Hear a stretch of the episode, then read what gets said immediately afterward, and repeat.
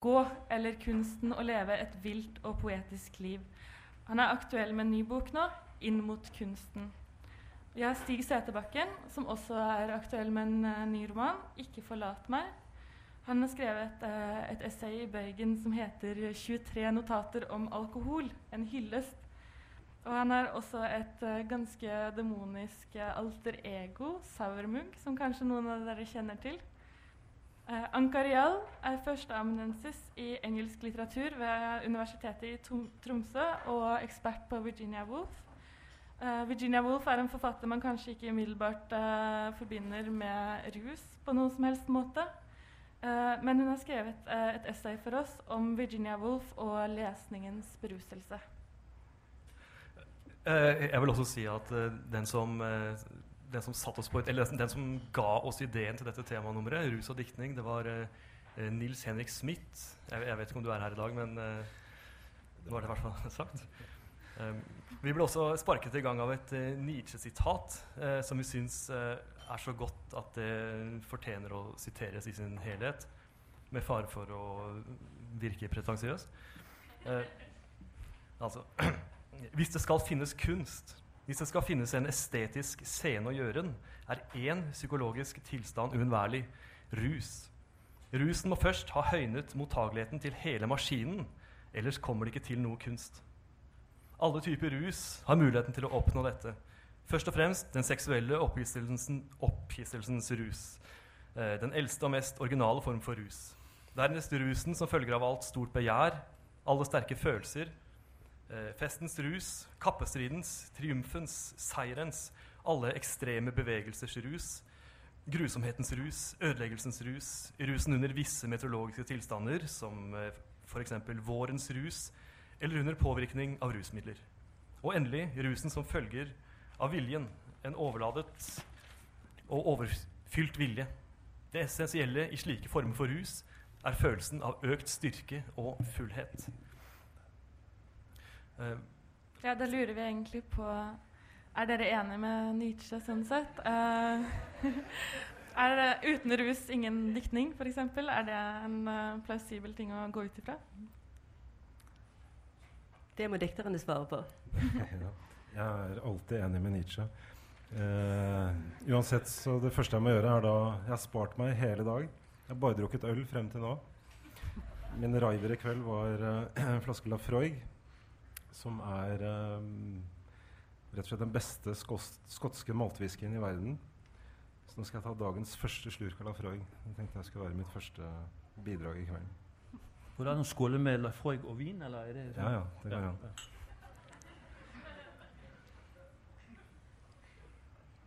Men uh, litt mer uh, seriøst uh, kunst... jeg, jeg, jeg, er ikke ferdig ennå. Okay. så dette er, dette er, altså Dette er en helt fantastisk smak. Altså, dette er så godt. Det eneste som er synd, er da at vi ikke kunne ha flasken på bordet her, på panelet. fordi når du åpner en flaske Lafroig, første, det første glasset du fyller, den klukkelyden Thomas vet hva jeg snakker om. Den klukkelyden fra flaskehalsen da, det, det burde egentlig ha åpnet dette seminaret. Men uh, ja. Skål. Skål, Ingrid. mm. Men når du har drukket en flaske Lefroig, eh, skriver du da? Eh, ja, altså jeg skriver ofte um, Jeg tror en vesentlig del av ja, de senere bøkene mine er skrevet i beruset tilstand. Eh, det er noen sånne premisser for at det skal fungere. Altså, men så jeg må på en måte være i gang. Altså jeg må på en måte ha et lite dagsverk bak meg før jeg kan begynne å drikke. Men det med drikkingen, når den slår inn på det riktige tidspunktet, så kan den forlenge det som egentlig ville ha vært eh, sannsynligvis da ville ha vært slutten på en arbeidsøkt. Den kan da forlenges i mange timer. Og det er noe med den oppdriften man får, når, når det da, men vel å merke når det liksom slår inn på rette tidspunkt. Mm. Eh, så jeg har skrevet mye når jeg har vært full. Ja. Uh, jeg skulle til å stille et spørsmål som du Grun, har svart godt på. Uh, den berusede kunstneren er jo, en, er en, svært romantisk figur også. Mm. Uh, det interessante spørsmålet synes jeg, er jo hvilken måte rusen er mer essensiell for kunsten og, og diktningen enn en bare som romantisk myte. Eh, og Thomas Espedal, eh, i boken din 'Gå eller kunsten å leve et vilt og poetisk liv', så har du bl.a. sitert Rimbaud. Der kommer et nytt sitat. Eh, eh, Rimbaud sier eh, 'Jeg sier til deg, jeg sier det til deg'. Dikteren må være en seer, må gjøre seg selv til en seer. Han gjør seg selv til seer ved en lang, grenseløs og systematisk forvirring av alle sanser. Alle former for kjærlighet, lidelse og galskap. Han ransaker seg selv. Han inntar alle giftstoffer til bare meningen er tilbake. Um, har du lyst til å kommentere det? Si noe om det? Nei, det, det, er et viktig brev, uh, kalt ofte seerbrev. Uh, Rembaud skriver det. Viktig for meg i akkurat det brevet har noe med kropp å gjøre, uh, som, som det finnes mange misforståelser rundt i, i, forhold til det å skrive. altså det at det er en debatt om jogging, og det er en debatt om, om, om, om drikking og, og, alt mulig. Men til syvende og sist så er det da kroppen og hvilken kropp en har, øh, som på en måte blir med inn i skrivingen. Og for Rimbaud så var det helt vesentlig å forstyrre eller ødelegge kroppen for å kunne Det, det, det er et slags angrep uh, Rimbaud gjør på sin egen kroppslighet for å kunne skrive uh, noe som ikke har vært skrevet før. Så Det, det, det er det enkle utgangspunktet tror jeg, hos, hos Rimbaud, og, og, som egentlig jeg syns er det interessante etter hvert. Hvordan rett og slett kan en skrive noe som ikke har vært uh, skrevet før? Så, så Noen ganger så kan rusen ha, ha, ha, ha heldige virkninger på det, så vi må nesten undersøke to ting. Uh, dere kan spørre oss hva vi gjør når vi skriver. Drikker vi og bruker vi rus når vi skriver? Det kan noen ganger være interessant, andre ganger ikke. Og det andre er hvor godt skriver en om alkohol, eller om de erfaringene som rusen gir. Ja, Vi hadde jo ikke egentlig bare tenkt på rus som som betydningen rusmidler, men du skriver f.eks. om det å gå. Du, du skriver også at du går strekningen Rimbaud, som at det er en strekning du faktisk går. Men du skriver jo om å gå i landskapet. Gå, gå, gå, gå, gå. Som en heller ikke helt ufarlig eh, ting, og som en eh, nødvendighet for en som eh, skriver. Nei, altså Det å gå strekningen Rimbaud, det er jo bare å, å, å utsette seg sjøl for noe av det en tror, det som jeg trodde var uh, det som Rimbaud utsatte seg for. Sant? Det er på en måte en undersøkelse av myter. For, for meg handler dette veldig mye om, om å, å, undersøke myter. Er det noe gehalt i mytene? Uh, kan du bruke mytene? Er det brennstoff, eller er, er det bare tull? Og, og, og, når jeg gikk etter Rimbaud, så, så, fikk jeg en sånn ambivalens. fordi at, at uh, sånn, Sove ute og, drikke og komme inn til Paris og, alt det der. Det var, det var, jeg, jeg, kjente en eller annen sånn romantisk kraft i det. Uh, samtidig så kunne ikke jeg bruke det til så veldig veldig, veldig mye annet enn akkurat uh, det avsnittet i, i, i boken. Så, så, så, for meg handler det om å undersøke myter. Men hele boken handler jo om å være i bevegelse og uh, på en måte utfordre seg selv, gå ut av seg selv, kan man kanskje si? Er du enig i det? Ja, ja eller hele boken handler om en undersøkelse av myter. Ja. Altså der, der er drikkemyten, og så er det det med den gå-greiene, og så er det det med det ville og po poetiske livet. Og jeg, jeg, jeg, vet ikke helt hva jeg uh, fant ut av, egentlig. men, men, men, men, det kan jo vi Det kan jo vi um, det kan jo vi um, hoppe over nå. Og så, og så. Ja, så du drikker når du, når du skriver, ja? Mm. Men, men, men, men um, Ikke alltid, da.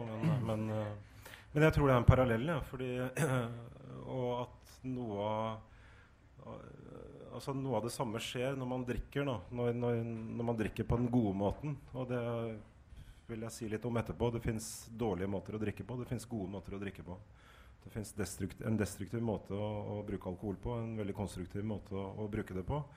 Men det fins en parallell mellom selve skriveakten og det, det, med beruselsen, særlig starten på en rus. Fordi eh, all skriving starter jo med en idé. Altså Man har en idé om hva dette skal bli. Eh, et vellykket eh, verk eh, innebærer at det blir til noe annet og mye større enn denne første liksom, igangsettende ideen. Eh, vil si at du overskrider både den som igangsettende ideen, og du overskrider deg selv. Altså, du, du, skrivingen, når den, når den, endelig er i gang, altså når motoren begynner å komme i gjenge, og du blir produktiv som skrivende, eh, så skaper du jo uendelig mye mer enn det som ble rommet av den første begynnende, igangsettende ideen. Og slik er rusen. Og det, det er, tenker jeg på, det er da det, det fruktbare møtet da, mellom uh, i hvert fall i mitt tilfelle, alkoholen og skrivingen og inspirasjonen, som kanskje er det felles elementet det har. Altså drikking og skriving som inspirasjon. Det er når du har klart å sette i gang noe som du skjønner dette blir uendelig mye større og uendelig mye mer enn den egentlig ganske fattige ideen det, det, det startet med. Eh, der fins det en parallell som jeg syns er interessant, og helt reell, en helt reell parallell. Hmm. Merete Morken Andersen snakker om å sette fyr på en tanke. Og vi har jo egentlig villet være litt interessert i å, å nå noe av det liksom opprinnelige ved skrivingen i dette nummeret her. Eh, noe av det som gjør at litteratur går fra å være en tekst til å bli en eh, bra tekst, som på en eller annen måte det får et eller annet sånn ved seg som, som gjør at du blir litt sånn svimmel. Er det mulig å i det hele tatt skrive noe sånt uten en eller annen form for uh, Altså hva er egentlig inspirasjon? Uh, generelt, er det også en berusende erfaring på en eller annen måte? Nå, nå er vi kanskje litt frekke, yeah. for vi må jo Du, du, du sitter jo her. Men, men jeg, eh, Som ikke har skrevet om alkohol i dette nummeret i det hele tatt. Nei. Men jeg, jeg, jeg, jeg, må bare, jeg tror forfattere seg imellom er kolossalt interessert i bare sånne tekniske ting. Og, og, og, og, jeg tror det er helt innlysende at, at, at det er en maskin. Når du har jobbet i, i 12-13 år med å skrive bøker, så er du på en måte en, en, på et tidspunkt en maskin. Uh, du produserer tekst. Og, mitt problem har, har, ofte vært at, at, jeg, at, jeg, skriver på en måte for godt. Altså, sånn, for, for, for, mye tenkning i tekstene. For mye tenkning rundt setningsnivå og alt mulig. Og det er sånn jeg må, må begynne. Men jeg også har, har, har brukt alkohol og, og bruker det nå for at hvis du, hvis du, da forestiller deg at du skulle kunne ødelegge litt av deg sjøl og bare for, fortsette den maskinvirksomheten, få ut tekst, få ut tekst, så, så, er det det at alkohol begynner å bli uh, interessant. Som en, en måte å, å, å, sløve ned sin egen uh, forfatterbevissthet på. Jeg tror det handler om å bli en annen enn den man er. Ja. Fordi, og Det er det jeg tenker på med den første ideen. Det du tenker om hvordan en roman skal være, da er du deg selv. Da tenker du som deg selv. Mm, mm, mm. Og Du kan jo være genial, og du kan ha en genial idé men allikevel utrolig begrenset, for du tenker bare innenfor rammene av det mennesket du er. Et vellykket skriveprosjekt det handler jo om å bli i løpet av den skriveprosessen noe mer og noe annet enn det du er. Og til og med i det seerbrevet så sier jo, det er jo den mest berømte replikken i det seerbrevet til Rambaud, er jo 'jeg er en annen', eller 'jeg er de andre', som man kanskje til og med helst bør oversette det med. Han, han betoner enormt sterkt det der med at han i, eller som poet, ikke er seg selv. han søker etter å bli noen andre. Eh, og det er på Den vellykkede ideen det er den som bringer deg fra den du er, som tenker ut, klekker ut ideen på forhånd. Eh, I det øyeblikket du skriver som noe annet og som en annen enn den du er, da blir det litteratur. Og sånn er også den gode rusen. Da. Du blir jo en annen. Det er jo både tragedien og, og liksom lykken ved det å ruse seg er jo at man blir en annen. Så det er likheten, det er likheten mener jeg, mellom skrivingen og, og drikkingen. Her er jo Nietzsche igjen uh, aktuell. Uh, uh, han skriver om den, den, nødvendige balansen mellom det apollinske og det dionysiske. Og som det fremgår av hans senere tekster, så er både det dionysiske og det apollinske må forstås som former for rus, eller som aspekter ved beruselse. Begge deler med litterære implikasjoner. Du er veldig god til å kjenne godt Nietzsche, men du kan kanskje forklare for de som ikke vet hva apollinske og altså. dionysiske er? Altså. um, ja, det apollinske er han som klekker ut ideen, og den dionysiske er han som skriver boka. Apollinske er uh, knyttet til uh, logos, intellekt, fornuften på mange måter, mens den jonosiske er vel mer kaos, drøm, ekstase, Eh, det kan du si. Eh, det, men det apollinske også eh, kan stå for det billedsterke og det visjonære. Og så siden altså den visuelle hallusinasjon. Men jeg tenkte kanskje du Ankarial, kunne utdype dette? Nei, det kan jeg ikke, men jeg kan jo si hva Virginia Woolf sa om det. Gjør det. hun skriver uh, veldig ofte om det hun kaller 'the flight of the mind', uh, sinnets flukt, som, som jeg oppfatter som, som, det hun prøvde å fange i skriften. Men samtidig så sier hun at det må disiplineres. Eh, og, og, det må hardt, seriøst arbeid til for å, for å, gjøre dette til noe annet enn noe personlig og egosentrisk. Og det er noe av det du var inne på da du snakket om at man må bli man må være seg selv, men likevel bli noe annet. Så jeg tror det er også noe hun er inne på i det hun skriver. Hun skriver jo overhodet ikke om rus eh, i form av alkohol eller droger. Hun, men, eh, men, hun skriver dette sinnets flukt inneholder jo et element av, av beruselse. Men du har jo også, i tillegg til å være Wolf-ekspert, så er du jo rett og slett eh, litteraturviter. Um, jeg lurer på, litt siden du representerer litteratur, uh, litteraturviterne her um, um, Oppfatter du ulike ruserfaringer som et uh, viktig, uh, viktig, litterært motiv som litteraturvitenskapen burde beskjeftige seg med? Nei, det har jeg ikke noe forhold til. Jeg tror det er et viktig motiv. Og jeg tror også det er skrevet en god del om det, men ikke av meg, da. Før, før jeg fikk denne invitasjonen til å skrive på bøygen. Mm. Men, men uh, Jo, jeg tror det er viktig, og jeg, og jeg, jeg tror kanskje at det kan skrives mer om det, og på en litt annen måte. Ofte, jeg tror, innbiller meg, iallfall i forhold til engelsk litteratur, f.eks. Uh, Coleridge, som, som, jeg ser det står noe om i dette nummeret av Bøygen, at det blir skrevet opp på en litt moraliserende måte. Uh, det er skrevet om diktere som går til grunne i rusen. Uh, men jeg vet ikke om det er blitt skrevet om i en utvidet forstand, sånn som uh, jeg har på følelsen at dere prøver å få til i dette nummeret. Ja, Vi er ikke helt sikre på om vi har lykkes med det, men en av tekstene vi er veldig fornøyd med, er jo nettopp din tekst uh, om uh, Virginia Woolf og lesningens beruselse. hvor du snakker om lesningen også som en virkelig en form for et sånt ting som gir deg et skikkelig kick. Um, på hvilken måte kan lesning være det, og hva skal til for at lesning blir en sånn type beruselse?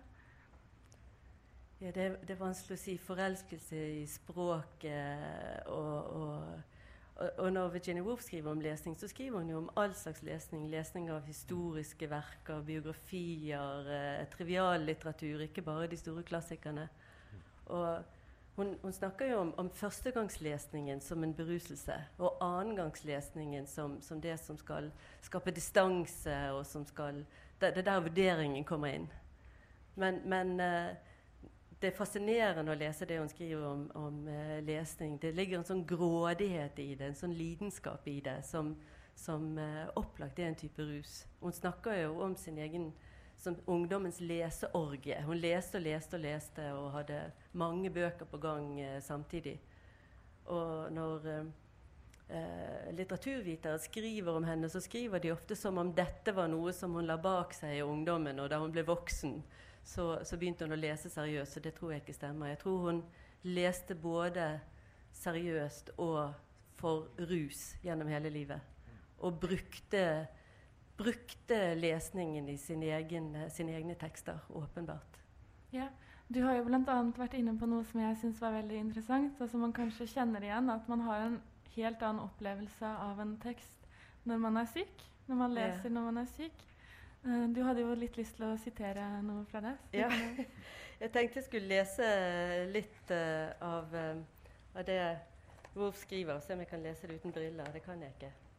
Um, hun har da en, uh, et essay som heter 'On Being Ill', som ble oversatt av Merete Alfsen til norsk. Og da heter det 'Om å være syk'.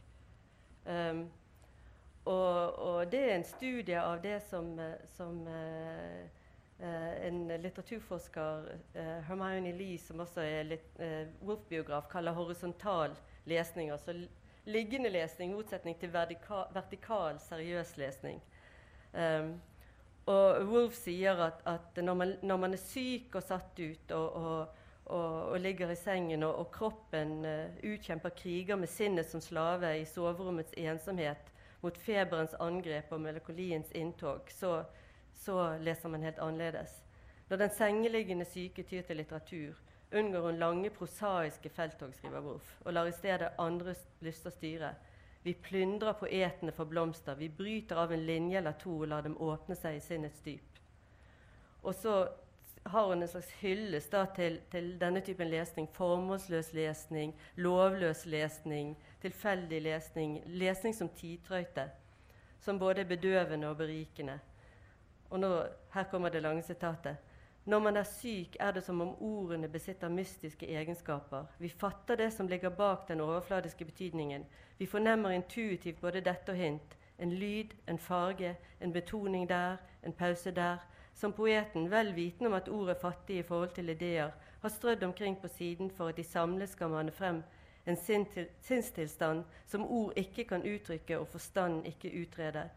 Det uforståelige har en enorm makt over oss når vi er syke, og det er kanskje mer berettiget enn de oppreiste vil innrømme. Når vi er friske, utbrer betydningen seg på bekostning av klangen. Intelligensen dominerer over sansene. Men når vi er syke, når politiet har gått av vakt, kryper vi innunder et dunkelt dikt av Malarmé eller Don, en vending på latinsk eller gresk, og ordene gir fra seg duft og smak. Og da, når vi omsider fatter betydningen, er den desto rikere fordi den nådde oss via sansene, via ganen og neseborene, som en rar lukt. Er det noen av dere som kjenner dere igjen i den typen uh, leseerfaringer? Ja, vi, skulle, vi, vi, var nok mer konsentrert om det med, med, alkohol. Det å være syk, tror jeg. Ja. Men, uh, men uh, som forfattere så leser dere jo helt sikkert en hel del. Men jeg, jeg, jeg, bare siden vi, siden vi, er nå her, og, og, og, og, hvis det er noe interessant i, i, i, i selve skrive, altså forfatternes så, så Hvis, hvis en, en, skal prøve å, å, å, gjøre noe med litteraturen så La, oss si for at noen av dere hadde fått det for dere at dere skulle skrive en, en, en grensesprengende roman. La, la, oss si den nye norske romanen, f.eks. Så, så, sitter der, sitter Knausgård og skriver 45 sider om dagen, eksempel, eller kanskje 10 sider om dagen. Og, og, og, rus uh, har den funksjonen, nøyaktig som Stig sa, at den forlenger i en viss forstand arbeidsanstrengelsen. Uh, uh, Fordi du begynner med, med bevissthet, og, du jobber og du jobber og du jobber. Og du jobber, du jobber. Og på et eller annet tidspunkt så er det en begrensning da, i deg sjøl og i, i, i, din Og da er det altså En kan f.eks. eksperimentere med, med med, med, med jeg, har, jeg, har, gått eh, I motsetning til deg så tåler jeg ikke Nietzsche. så jeg, jeg, Nietzsche, det, det, det, klarer jeg ikke. Men, men, jeg gikk tilbake igjen til, til drikkegildet i Aten. Og det er faktisk en bok som nærmest har, har reddet skrivingen min. fordi at, at, eh, de drikker jo så jæklig mye og, og tenker så jævlig klart. Og, og, men så står det en liten fotnote at, at grekerne blandet vin ut med vann. Og, det har personlig reddet meg. fordi at, at at uh, når klokken da er 11, og du har sittet hele dagen, og, og, og, du skal kanskje inn i, i, i de timene mellom 11, 12, 1 og 2, så har jeg da begynt å, å kjøpe uh, jæklig billig sånn her uh, fransk vin i kartonger. Og så heller jeg det oppi en karaffel, og så, så, blander jeg det med 50% vann. 50 vann. For noe av drikkingen handler jo bare om ensomhet. også. Du, du, du, skal ha en helt jævlig kveld alene med den teksten. Og, og, og det selve sånn, Whiskyen den får du jævlig kjapp respons på. Vinen får du også Du blir litt fort sløv. Men, men vannet oppi der, den 50-50 Platon-blandingen der, den, den, den, den, gjør at du får at Drikkingen har jo også dette fysiske med å helle nedpå. Altså det, det er jo supe. Så, så du, du, du, kan på en måte Uten å bli for fort full så du, det, Dette mener jeg er den perfekte blandingen for dere som skal skrive den nye norske romanen. Uh, sånn en langsom rus. Det, det der er jo litt hissig stoff. Det er jo faktisk da, må bare nevne det, for det er faktisk opprinnelsen eller bakgrunnen for ordet drukkenbolt. Det er fra det gamle Hellas, og det var de som ikke blandet ut vinen. Med det vann, ja. Ikke blandet ut med vann. De var drukkenboltene. Mm. Så ingen av dere vil slå et slag for, for denne 9-4-forfatteren som uh, jobber trutt som en kontorist med tekstene sine? Og så ta fri. Som, ja. Nils Henrik Langeland, nei, som Henrik Langeland uh, forfekter, at man skriver som en toppidrettsutøver. og ja, Det kommer litt an på når du pleier å begynne å, å drikke. da. du kan jo drikke mye mellom ni og fire. Ja. Uh, ja. Nei, men altså, det der er jo selvfølgelig bare, det er bare helt individuelt. Altså, hva, jeg skjønner jo fryktelig godt at det er helt utenkelig for mange å drikke mens de skriver. Det er, det er veldig lett å forstå. Så, men jeg tror igjen at det har med altså For meg er det helt sentralt. Altså, alt som har med litteratur å gjøre, det handler om å miste seg selv. Er, jeg, man kan ikke skrive bare ut ifra seg selv. Eh, og jeg ser det hos forfattere. Jeg ser det når jeg leser andre forfattere. Jeg ser hvor de mister seg selv, mm. og hvor de bare er seg selv. Og det er jo for meg Det er kanskje det er kanskje sju norske, altså mine norske samtidskolleger som jeg kan lese med ordentlig utbytte. Eh, sit, sitter ved siden av en av dem, faktisk.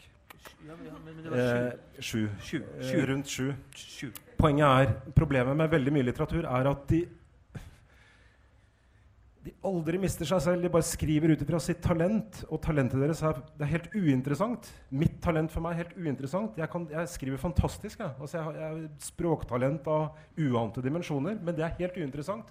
Med mindre jeg klarer å sette i gang nå og produsere noe hvor jeg mister meg selv og gjør noe enda mer enn det jeg sånn sett til enhver tid kan. Og Det er det jeg ser hos andre forfattere. Det er forfatterskapene som interesserer meg. Det er alle de der stedene, punktene, hvor de mister seg selv og blir til noe annet. Da, folkens Kan, kan jeg bare si som, som litteraturviter eh, så kunne jeg f.eks. undersøke Ta Malcolm Laurie eh, under vulkanen. Og så se hvor mye fyller der er i den boken. Altså, der kan jo du se Du, du kan faktisk se at, at Laurie eh, sliter med å, å, å, lage en roman. Sånn. Men, men det er en jævlig god roman. Fordi at, at, at, uh, Laurie har akkurat det her. Han, han er så jævlig flink. Men, men, men boken er et kaos av, av, av, av hans al alkoholisme. Ta Penti Sarikos.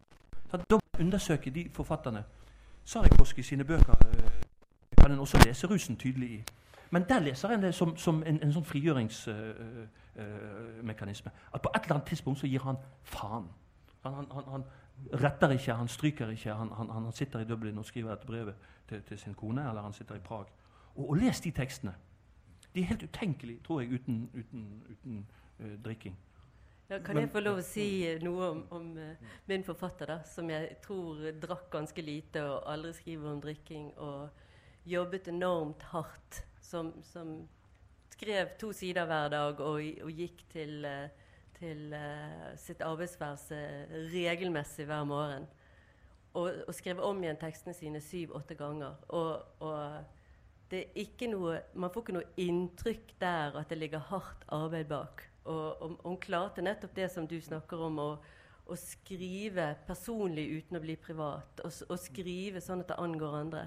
Så jeg tror, jeg tror vel ikke det handler om alkohol eller rus. Det handler om, eh, om eh, ulike måter til å oppnå det som, det som du sier at du oppnår via, via rusen. Og, og være deg selv og likevel noe annet.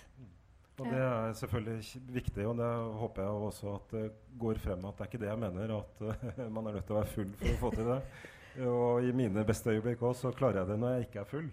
Eh, det som egentlig interesserer meg, er likheten mellom rusopplevelsen, eller erfaringen av rus, og det å skrive utover seg selv. Da. Eh, egentlig mer som en metafor, eller som en, som en parallell. Eh, så det må jeg liksom bare presisere at eh, altså, rus er jo selvfølgelig ingen forutsetning for at dette skal skje. Men dette må skje for at det skal bli litteratur. Og rus kan i gylne øyeblikk være med på å hjelpe deg til å nå den, eller å ja, hva skal jeg si, komme fri fra deg selv. Eh, men selvfølgelig er det ikke noen forutsetning, og det er ikke noen garanti for noe som helst. Snarere tvert imot. Ja, det kan vel være andre erfaringer, som f.eks. Uh, drømmer, sånn som uh, Kublai Khan ble til etter en drøm. Eller kjærlighet er jo også en mulighet. Det skriver jo du om i, i eh, den siste romanen din. Men eh, jeg har litt lyst til å komme tilbake til Virginia Woolf og litteraturvitenskapen. eh, fordi du antyder jo egentlig at eh, Virginia Woolf har blitt litt sånn overintellektualisert nesten av Mm. eh, litteraturvitere. Hvorfor tror du det egentlig har skjedd? Eh, det er sikkert andre forfattere som, eh, hvor det også er tilfellet. Ja, hun oppleves jo som vanskelig, og, og modernismen eh, oppleves som eh, bevisst eksperimentell og bevisst problematisk. Men, eh, og, og hun har vel ofte blitt fremstilt som en forfatter som sitter i et elfenbenstårn. Men når man leser det hun skriver om lesning og det hun skriver om litteratur, så ser man at hun var en hun var altetende når det gjaldt lesning. Og hun skrev om alt mulig, alle typer litteratur. Og det eneste hun ikke skrev om, det var jo drikking. jeg husker som student at jeg leste en av romanene hennes hvor de åpner en flaske champagne med korketrekker. Da tenkte jeg Virginia Woolf har ikke drukket mange flasker champagne. Men, uh, men er det å gå utover seg selv, for det kan man jo kanskje si at Virginia Woolf også gjør som den gode forfatteren er, er det en litt sånn ubegripelig størrelse som man ikke helt vet hvor man skal gjøre av i litteraturvitenskapen f.eks.? Nei, det tror jeg ikke. Nei, uh, da um, Jeg syns i hvert fall at uh, det er noe som, som, Det er veldig sjelden, uh, sjelden vi snakker om. Det er veldig sjelden vi tar vi, vi opp. Og liksom, det er heller. med så mange andre Men, erfaringer. Ja. Det jeg tror du har rett i, er at litteraturforskere forferdelig sjelden skriver om sin egen begeistring og sin egen beruselse av tekster og språket. Sant? Man, man er liksom kommet til det stadiet der vurderingen og, og, og distansen skal, skal, rå. Og det syns jeg er veldig synd, faktisk. Eh, noe, noe, av det vi har tenkt på ja, da vi gikk inn på dette nummeret, her, var at uh, det er en lik, eller det er, en, det er fellestrekk mellom uh, leselyst og beruselse. Ved at man eh, i begge deler så å si kan glemme sin egen person. ikke sant? Tape ja, Man kan fortape seg selv i teksten. Og at det er utpreget indre opplevelser. ikke sant? Det er jo det man opplever, utspiller seg utelukkende i det indre, både ved en, ja, ved en rus, eh, hvordan nå enn er fremkalt, og ved, ved lesning. Eh, det, er, altså, det, er, veldig mange lik likhetstrekk. Eh, man kan tenke seg en, en hallusinasjon frambrakt av et rusmiddel så det er jo påfallende likhetstrekk med en, både en visjon og, et, og en billedsterk, billedsterk tekst. Det skaper, det, skaper, opplevelser som utelukkende utspiller seg i det indre. Jeg vet ikke om noen vil kommentere det? Ja, nå har vi altså uh, studert Malcolm Laurie, og, og, så har en da muligheten til å lese Sarikoski. Og så tar en f.eks. Duras det, dette er jo studiet som, som, som, konsentrerer seg om, om, om rus, i, i, i, i, hovedsak alkohol. Hvis en, hvis en studerer Duras sine bøker, det er ikke uinteressant, fordi hun var alkoholiker mellom 1985 og, og, og, og, noen og 90 før hun ble lagt inn på, på klinikk og døde i 96. De svakeste bøkene til Rass det tror jeg en, en kan si, er skrevet under alkoholpåvirkning. Men, men det, det, det, det, er ganske Kanskje dette bare er interessant for forfattere og, ikke for litteraturstudenter. Men, men, men, hvis en går inn og ser på språket til Tyras og, og, og, det sies jo da i biografien som hun her øh, venninnen skrev, at, at, at Tyras drakk mellom fire og seks liter vin om dagen. Så Da, da begynner du klokken ni. Altså, Dyras begynner klokken ni. Det er helt opplagt. Hun er alkoholiker. Og det, det er ikke noe, det, det, er en del forfattere som er alkoholikere. Det, det, vet vi begge to. Og det er ikke noe pent. Eh, det er, noe, er overhodet ikke noe pent i, i, det hele tatt. Men, men, men, men hun skriver altså, drikker de her, og, og, hva bøker var det hun skrev i den perioden? Og Der kan en faktisk også se det at, at, at, at Duras er, på, er på, vei, på, på, vei, ned i forfatterskapet. Så det vil jo ikke si at, det er en, en automatikk i, i, mellom, mellom, rus og, og, og f.eks. Øh, og det å komme ut av seg sjøl, og kvalitet. Det er vel kanskje litt sånn at Hvis man er en litt dårlig forfatter, så kan, tror man kanskje at man kan uh, drikke en flaske Lafroig og skrive en fantastisk tekst. Um, Stig, jeg lurer på Ja, ja. ja den som, men den kjenner du sikkert. Den fantastiske historien da, om uh, Kjell Erik Vindtorn. Uh, kjenner du den? Som Tristan Vindtorn? Ja. Fred er over hans minne. Ja. Tristan uh, Vindtorn på slutten, som uh, bare kort fortalt gikk på at han da var på en sånn utrolig rangel. Og så satt han på drosje hjem til, til i Drammen, og så fikk han en poetisk visjon. Han bare plutselig kom på ett konsentrert poetisk bilde som bare uttrykte alt. Så han bare fomler etter noe papir og finner en sånn lapp i lomma og får det skrevet ned. Og sånn i baksetet på drosjen og kommer hjem og segner om og sovner, og så våkner dagen etterpå som smått om senn så kommer han på den visjonen han har hatt. Og han husker ikke hva, hva, det bildet var. Han bare husker at det rommet det hele. Og så begynner han febrilsk å lete gjennom buksene fra dagen uh, før og finner da heldigvis en sånn sammenkrølla lapp. I stor spenning bretter ut lappen, og der står det ett ord. Sola.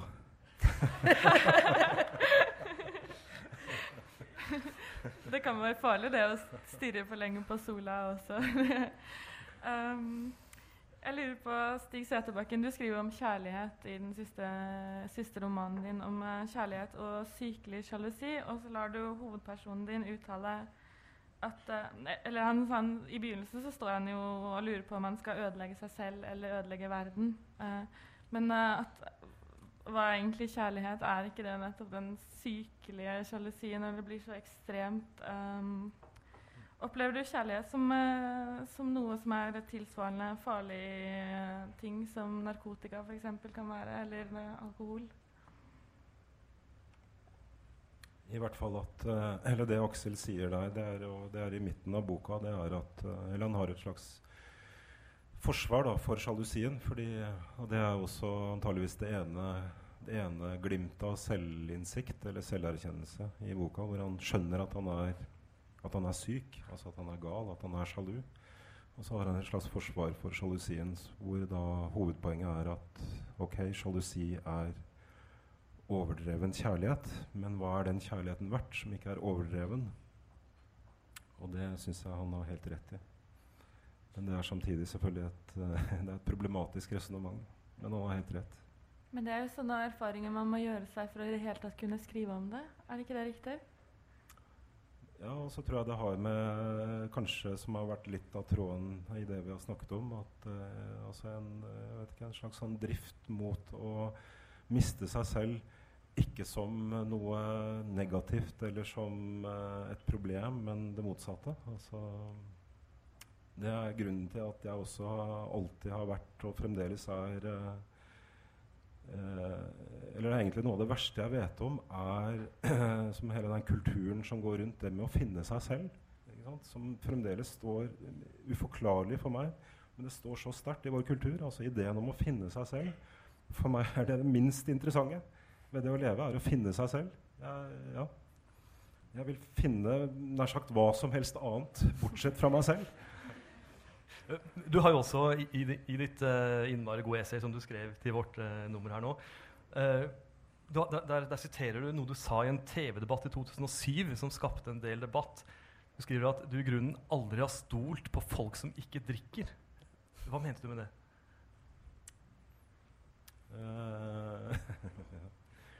det var det jeg hadde tenkt å lese etterpå, så jeg, må, jeg svarer på det da. Ja, mm. greit. Mm. Det er vel egentlig et spørsmål som er helt vanskelig eller nesten umulig å svare på, kanskje? Jeg mener at det gir seg selv, ja. Men uh, hmm. Ja. Uh, du har jo også et uh, slags alter ego, et ondt jeg, Sauermugg.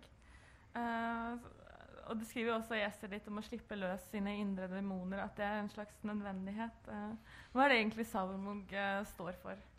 Sånn, i forhold til å slippe løs sine egne indre demoner. Uh, hva han står for? Ja.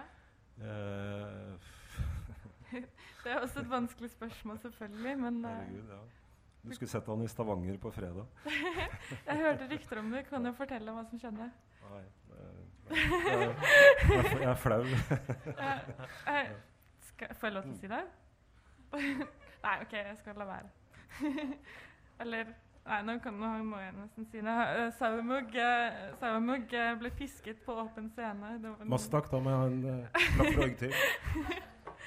Men uh, er det nødvendig sånn, på et rent eksistensielt plan, litt sånn utover uh, litteraturvitenskapen og utover det å være forfatter og alt mulig, er det nødvendig å, å, å Dumme seg ut på en sånn måte?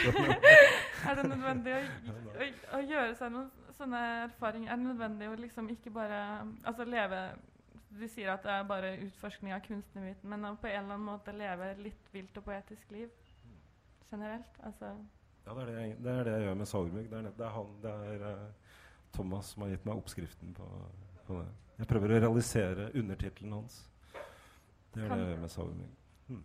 Men kan det på en eller annen måte være farlig å, å, å bare leve et streit um, liv hvor man bare går på jobb på ni til fire hver dag, går hjem, lager middag, spiser middag, ser på TV med barna, aldri har gjort noe annet. Er det noen av dere som har noen tanker om det, sånn rent eksistensielt? går det an å si noe generelt om det. Så noe fungerer for noen, og noe annet fungerer for andre. Og noen må vel leve ganske regulært for å føle at de har en viss kontroll over sine indre demoner, vil jeg tro. Og, og andre har behov for å, å slippe de litt løs innimellom. Det var veldig diplomatisk eh, sagt. Har du noe Nei, jeg har ikke noe riktig. Nei, um, jeg lurer jo litt på uh, som en slags uh, Er det noen som har noen flere kommentarer eller noen de har lyst til å snakke mer om her? Eller så kunne jo Men hva var dere ville i utgangspunktet med, med det rusnummeret til, til Bøygen? Altså, uh, altså uh, Det er også et veldig vanskelig og godt spørsmål. ja. jeg, begynner å lure litt på det. For at, at, at, hvis, hvis en skal For det første så må en da finne de tekstene Hvis det er interessant for en sånn litteraturvitenskap, så må en finne de tekstene hvor det er sammenheng mellom rus og, og, og litteratur. Og så må en da spørre seg hva skjer i de tekstene som, som det påviselig er f.eks. en sammenheng. Eller, og da uh, kan en skissere opp noen forfatterskap, og så kunne en kanskje konsentrert seg rundt de. For jeg, jeg, tror, jeg tror Prost og, og, og Virginia Woolf og, og, alle som har skrevet om kjærlighet altså de, de, tilhører jo en, en, en, en del av litteraturhistorien som stiller andre spørsmål. Det, det tror jeg. Og Hvis dere skal absolutt undersøke dette her som dere nå har som tema, så må en da konsentrere seg om, om, om, om det. Og så må en undersøke Først må en antagelig undersøke mytene. Sånn. Og da, da, da, så kan en selvfølgelig spørre forfattere Vi vet at, at, at, at noen av de som vi jobber sammen med, er alkoholikere. Og, og, og det er et helsikes uh, greie å være vitne til. Og der kommer ikke bøker fra, fra, fra uh, Jeg hadde litt lyst å, å, å Kanskje en av de beste diktsamlingene skrevet i, syns jeg, heter 'Virkelighet alkohol' og, og er skrevet av Terje Skulstad. Som, som, dessverre har drukket seg ut av, av, av, av litteraturhistorien. Men jeg skal, bare, jeg skal bare, ta og lese det diktet som heter 'Alkohol'. I en trapp da jeg var 13 år, drakk vi noen slurker vin av en stjålet flaske, en kamerat og jeg, en sommerkveld. Vi måtte gire for å komme inn på dansen. Ved den første dråpen slo et lyn ned i hjernen. Jeg visste at dette var min kjemiske djevel og kjæreste. Siden endeløse døgn i rus, endeløse, endeløse nederlag. En 17. mai-tog av venner på flukt. Et kaos av bagateller som tårnet seg opp i hundreårsbølger i horisonten. Endeløse løgner, endeløse selvbedrag, dusinvis selvmordforsøk, haglbyer av nervepiller, endeløse unnskyldninger og påskudd, endeløse frukt, fluktruter, endeløse reiser, hundrevis av blåveiser og sår, dusinvis av knuste briller, all knust kjærlighet, endeløse forsoningsekspedisjoner, endeløse forsikringer, strømmer av brev, fosser av ord og blomster. Alle fantasiene for å være på høyde med fasit. Alt ødelagt tøy, alt venstrehåndsarbeid. Fire årsverk i løpet av 20 år for å holde nivået et hakk over rødspriten.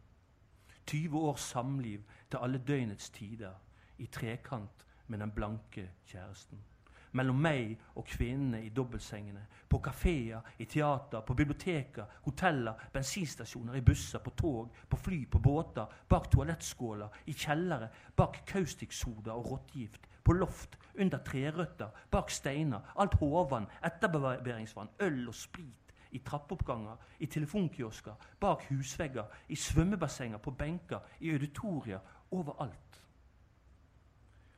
I partnerskapet har brennevin og jeg vunnet de endeløse slag på egoismens arena. Og etter de berusende orgene endeløse døgn med svette og spy og kramper, endeløse knivstikk når partneren trakk seg tilbake og kroppen ikke orket mer. Haitennene i innvollet, blodige drømmer, smerter, operasjon uten narkose, gjenglemte skalpeller i alle celler. Inntil noen gjennomsiktige klare døgn stiger frem, og du begynner jakten på en ny, bedøvende kjæreste som kan sove med deg, elske med deg, støtte deg i problemløsningens første fase. Og så rus, rus, rus.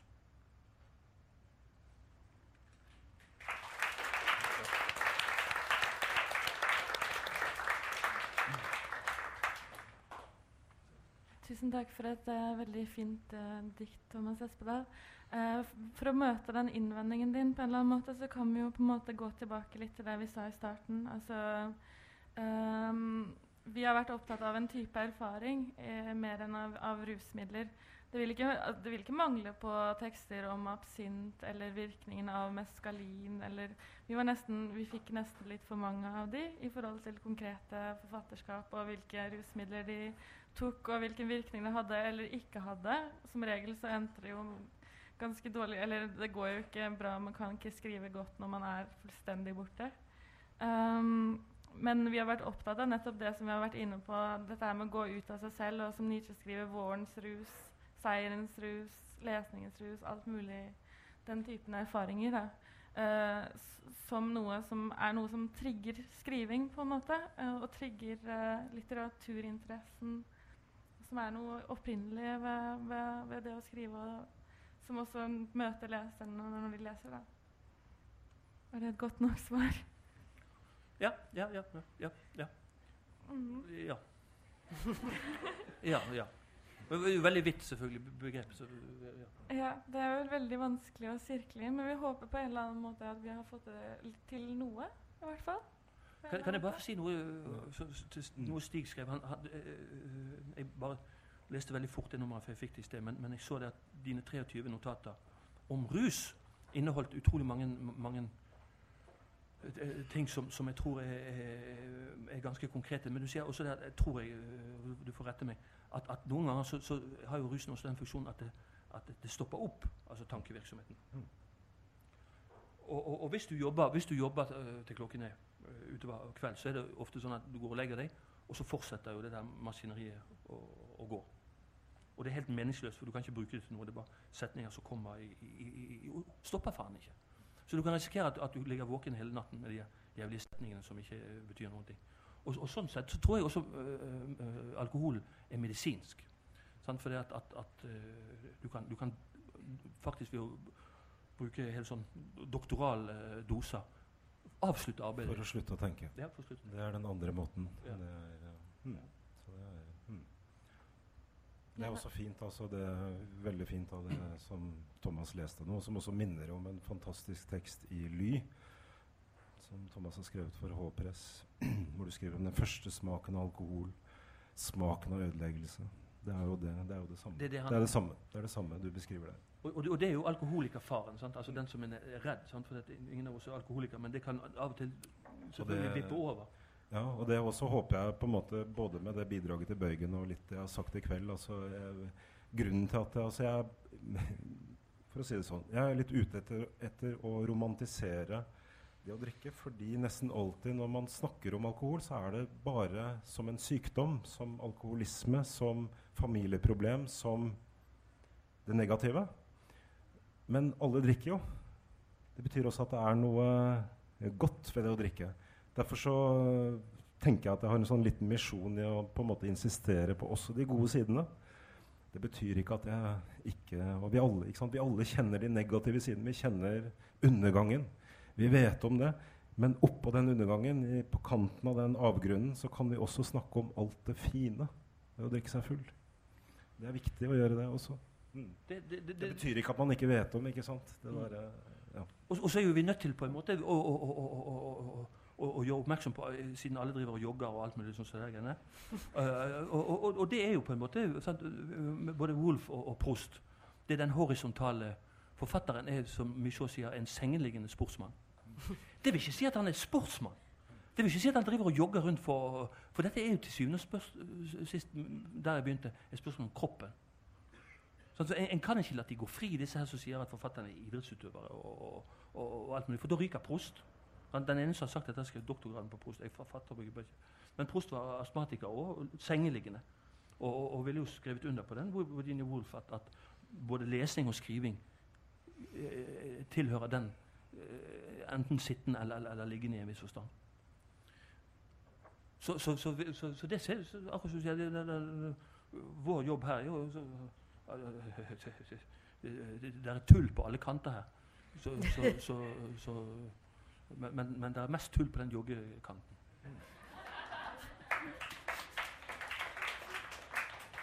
Balzac var jo en kaffemisbruker. Han drakk jo, så vidt jeg kjenner til, 80 kopper kaffe mot slutten av dagen, nei, av livet. Og liggende. Uh, skrev liggende. um, så akkurat hva som er et rusmiddel, og hva som ikke er det, er vel litt sånn uh, det, det, er grenser. Og hvis man går over de grensene, så er man jo plutselig ute på noe helt annet. Uansett, uh, uansett hvilket Uansett hva det er. Hvis man liksom går til det ekstreme, så begynner man å nærme seg en eller annen undergang, kanskje. Ja, Wolf snakker et sted om, om the irregular fire som noe som man vil prøve å gripe, men som det er en kamp å få tak i. Som, som, som, kommer frem gjennom et, et, hardt arbeid. Og det tenker jeg på det diktet du leste. Det er et dikt om rus, men, men det er fremkommet gjennom, gjennom eh, seriøst arbeid. Det er, ikke, det, er ikke, noe som han har slengt ut av seg, og det hører du. Jeg lurer på om uh, vi kanskje skal avslutte der, egentlig. Eller uh, hva syns dere? Det hadde vært fint å høre noen spørsmål. Det er jo alltid gøy. Det er på en måte hø høydepunktet, ikke det? uh, hvis noen har noen, noen, spørsmål? Ja, spørsmål fra salen? Ja.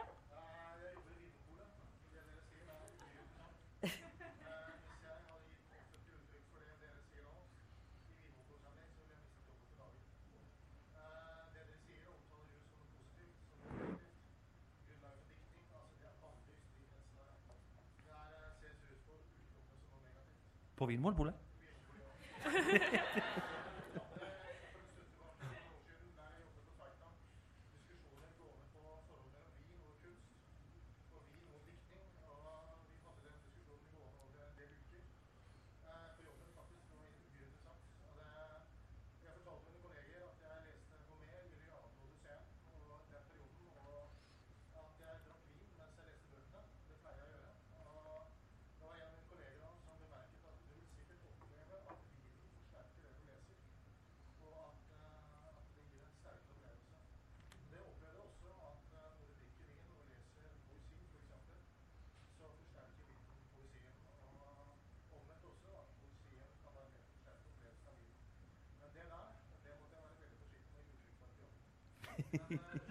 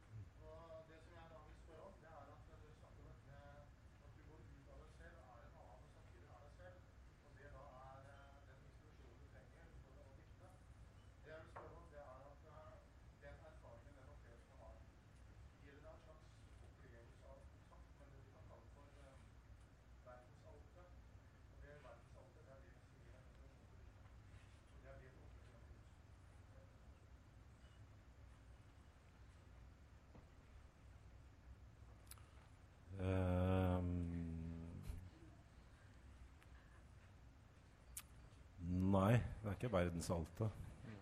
Det ville da vært for meget.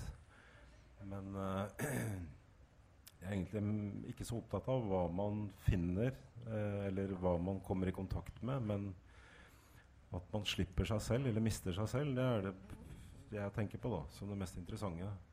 Men det du sier, er jo sant, bare en påminnelse om hvor utrolig Hvor utrolig som handikappa vi fremdeles er da, i forhold til bare å snakke om sånt og diskutere sånt. Det er Et av poengene mine i Bøygenesia er at, å sette opp alkohol som at alkohol er det motsatte av oppdragelse. At vi fremdeles da oppdrar våre barn liksom, Det å oppdra barn handler på en måte bare om å bygge dem opp. Det handler om det positive. Det handler om at de skal gjøre alt det rette. De skal bli plassert inn i de rette sammenhengene. De skal ha venner, de skal gjøre ting, de skal være aktivitet, de skal jogge, de skal drive med sport. Man er livredde for alt det andre. Man er livredd for ensomheten. Man er livredd for liksom, alt som ikke smaker av fellesskap og the right thing. Så oppdragelse har ikke på en måte noe språk for det å ødelegge seg selv, som også er en utrolig viktig del av livet. En utrolig viktig del av livet å ødelegge seg selv og legge seg selv i grus og, og liksom fucke opp ting. Eh, det, er som, det, er helt grunnleggende. Eh, og problemet med da liksom, vår måte å forvalte fenomenet alkohol på, er jo at sant, en voksne generasjon som da sitter med et glass vin i den ene hånden og en hevet pekefinger i den andre, og faktisk snakker som om de tror at de kan lære sine barn å la være å drikke det er jo det er faktisk ganske absurd. De snakker til dem som om de skal hindre dem i å begynne å drikke. Og ungene ser jo vinglasset som de da har i den andre hånda. Uh, ja. Det var sikkert ikke svar på spørsmålet ditt, men uh. mm. Uh, ja, poenget er bare at jeg syns verdensalt og spiritu spiritualitet er vanskelige begreper. Men ut av seg selv, absolutt ja. Det, det er jeg med på. Mm. Men jeg vet ikke hva det er. ikke sant? Jeg vet ikke, og Det er jo på en måte det forlokkende ved det òg. Jeg vet jo ikke, Når jeg mister meg selv, så vet jeg ikke hva jeg får. Jeg er sånn sett ikke interessert i å få noe heller. Jeg er bare interessert i å miste meg selv. Jeg er utrolig uinteressert i meg selv. Jeg tenker jo det ofte at det er jo grunnen til at jeg skriver. Jeg, altså jeg er overhodet ikke interessert i hvem jeg er. Jeg er altså min person er totalt uinteressant. Altså, ja. Ja, det er derfor, som sagt, som jeg, det der med å finne seg sjæl det, det, er, liksom det verste sånn kulturbegrepet vi har skapt. Det er den der nødvendigheten å finne seg selv. Jeg tror at mange moderne menneskers problemer bunner i ideen om at man på død og liv skal finne seg selv. Og så roter de med det, og så klarer de ikke å finne det. og så, Derfor så blir de definert som syke. De er jo ikke syke i det hele tatt. Er, hvorfor skal vi finne oss selv? Jeg skjønner ikke det. Hvorfor skal vi finne oss selv?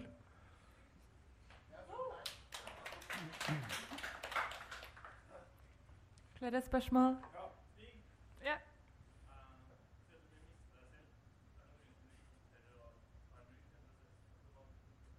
Hmm? Ja, absolutt. Jeg har prøvd mye, og det, alkohol er det eneste jeg kan på en måte forlike meg med. Altså Jeg avskyr alle andre rusmidler. Og det går på måten altså, Det å bli full er, det er helt perfekt. Altså det er, det, er, det er, Fordi man mister seg selv, men så kommer man også tilbake til seg selv på samme tid. mens alle de andre de er for brå, de er for harde. De er for, altså de bare på en måte Da kommer den forflytningen med et slags sånn uh, Det er som en giljotin. Altså du blir, du blir kutta hodet på. Og så plutselig ligger hodet ditt i en kurv. Altså det, det, det, er sånn. Det er problemet mitt med alle andre uh, I hvert fall de jeg har prøvd. da Med alle andre rusmidler. Som jeg syns bare er forferdelige. Altså jeg, ja. Mens alkohol er uh, Guds gave til menneskene. Likevel Gud, liksom.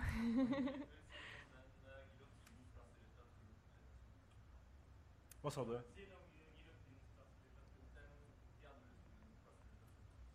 Ehm,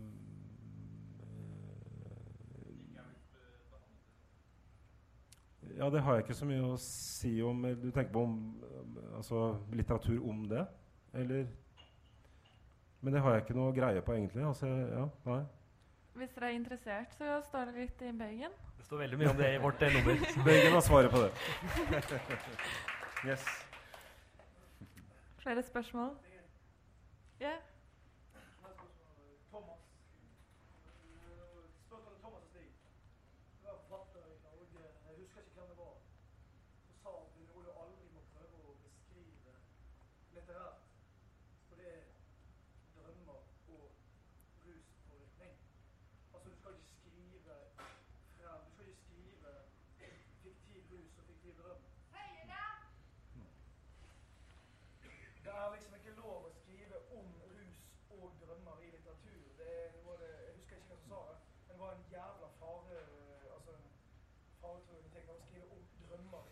Fiksjon og om ruspåvirkning i fiksjon.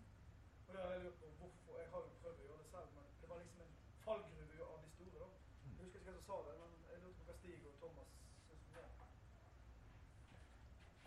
Det er, vel, det er vel litt fordi at det er ikke så mange som får det til. Uh, altså det, det, det er jæklig vanskelig. Drøm, f.eks. Uh, jeg har sett, uh, sett steder hvor det virkelig uh, hvor det går bra, men, men, jeg har sett enda flere steder hvor det ikke går bra. Så det er en sånn teknisk at, at det, er ikke, det, er ikke, så mange som behersker akkurat det. Men alkohol er ikke jeg så sikker for at, at det finnes jo sterke tekster om, om det å være i alkoholrus. og og være det, det, og det er jo litt av, av utfordringen hvis, hvis det skal ha noen sånn relevans for litteraturvitenskapen, å finne de tekstene. da og, og, og så se uh, jeg, jeg, jeg, jeg, tror ikke jeg vil gi meg på det der at, at litt av jobben til en forfatter er jo å, å, å strekke bevisstheten. Så vi, vi, jobber jo, vi, jobber jo, i en viss forstand med hvor langt kan den bevisstheten du har, eh, strekkes. Og, og, og, jeg er helt enig med hasj og, en del andre. det. Det, det, det, det kutter av, og, så er du plutselig et annet sted. Uh, uh, veldig vanskelig å hente inn igjen det stedet. Alkohol er det der med at, at du synker ned, at det er en sånn langsom øh, prosess i det. Og antagelig da når en synker ned, altså den, denne nedsynkningen, så slipper en, en, en seg sjøl på et, et, eller annet eh, tidspunkt. Og det tror jeg er, dere vil finne ganske mange øh, øh, gode tekster om, om alkohol. da. Er det noen andre som Eller kanskje du også vil kommentere dette med drømmer, Stig? Nei, bare at jeg er enig med han som sa det. At det er, bør man holde seg unna drømmer og, og rusbeskrivelser. Mm. Ja, med mindre du ikke sant? Selvfølgelig, når det, når, det, når det, funker, så funker det. Men i utgangspunktet, ja. Mm. Og Ankarial, er det litteraturviternes oppgave å finne ut av dette her med de andre typene rusmidler også? Nei, det syns jeg ikke. Punktum. ok. Um, er det noen flere spørsmål? Ne ja.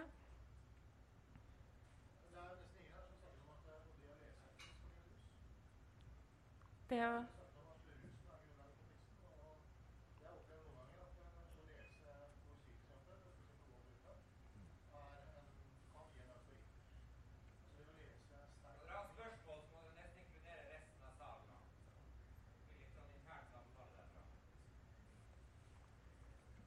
Det jeg har skrevet om i Bøygen, handler nettopp om det du spurte om. Han spurte om dette med at det å lese kan være en rus og, gi en eufori.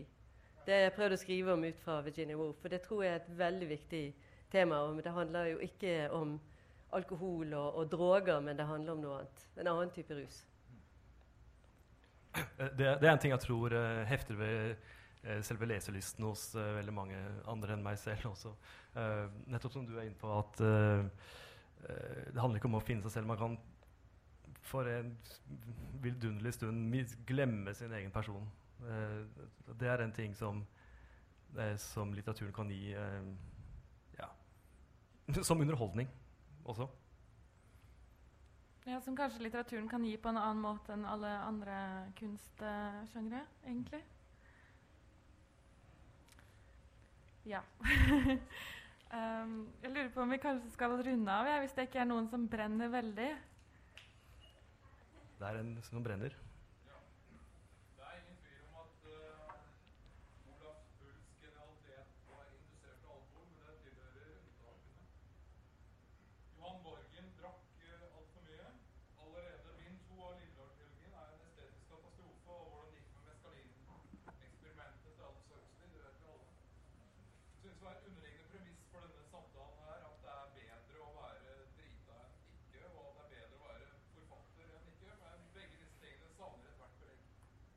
Men det, at det er bedre å være forfatter enn ikke?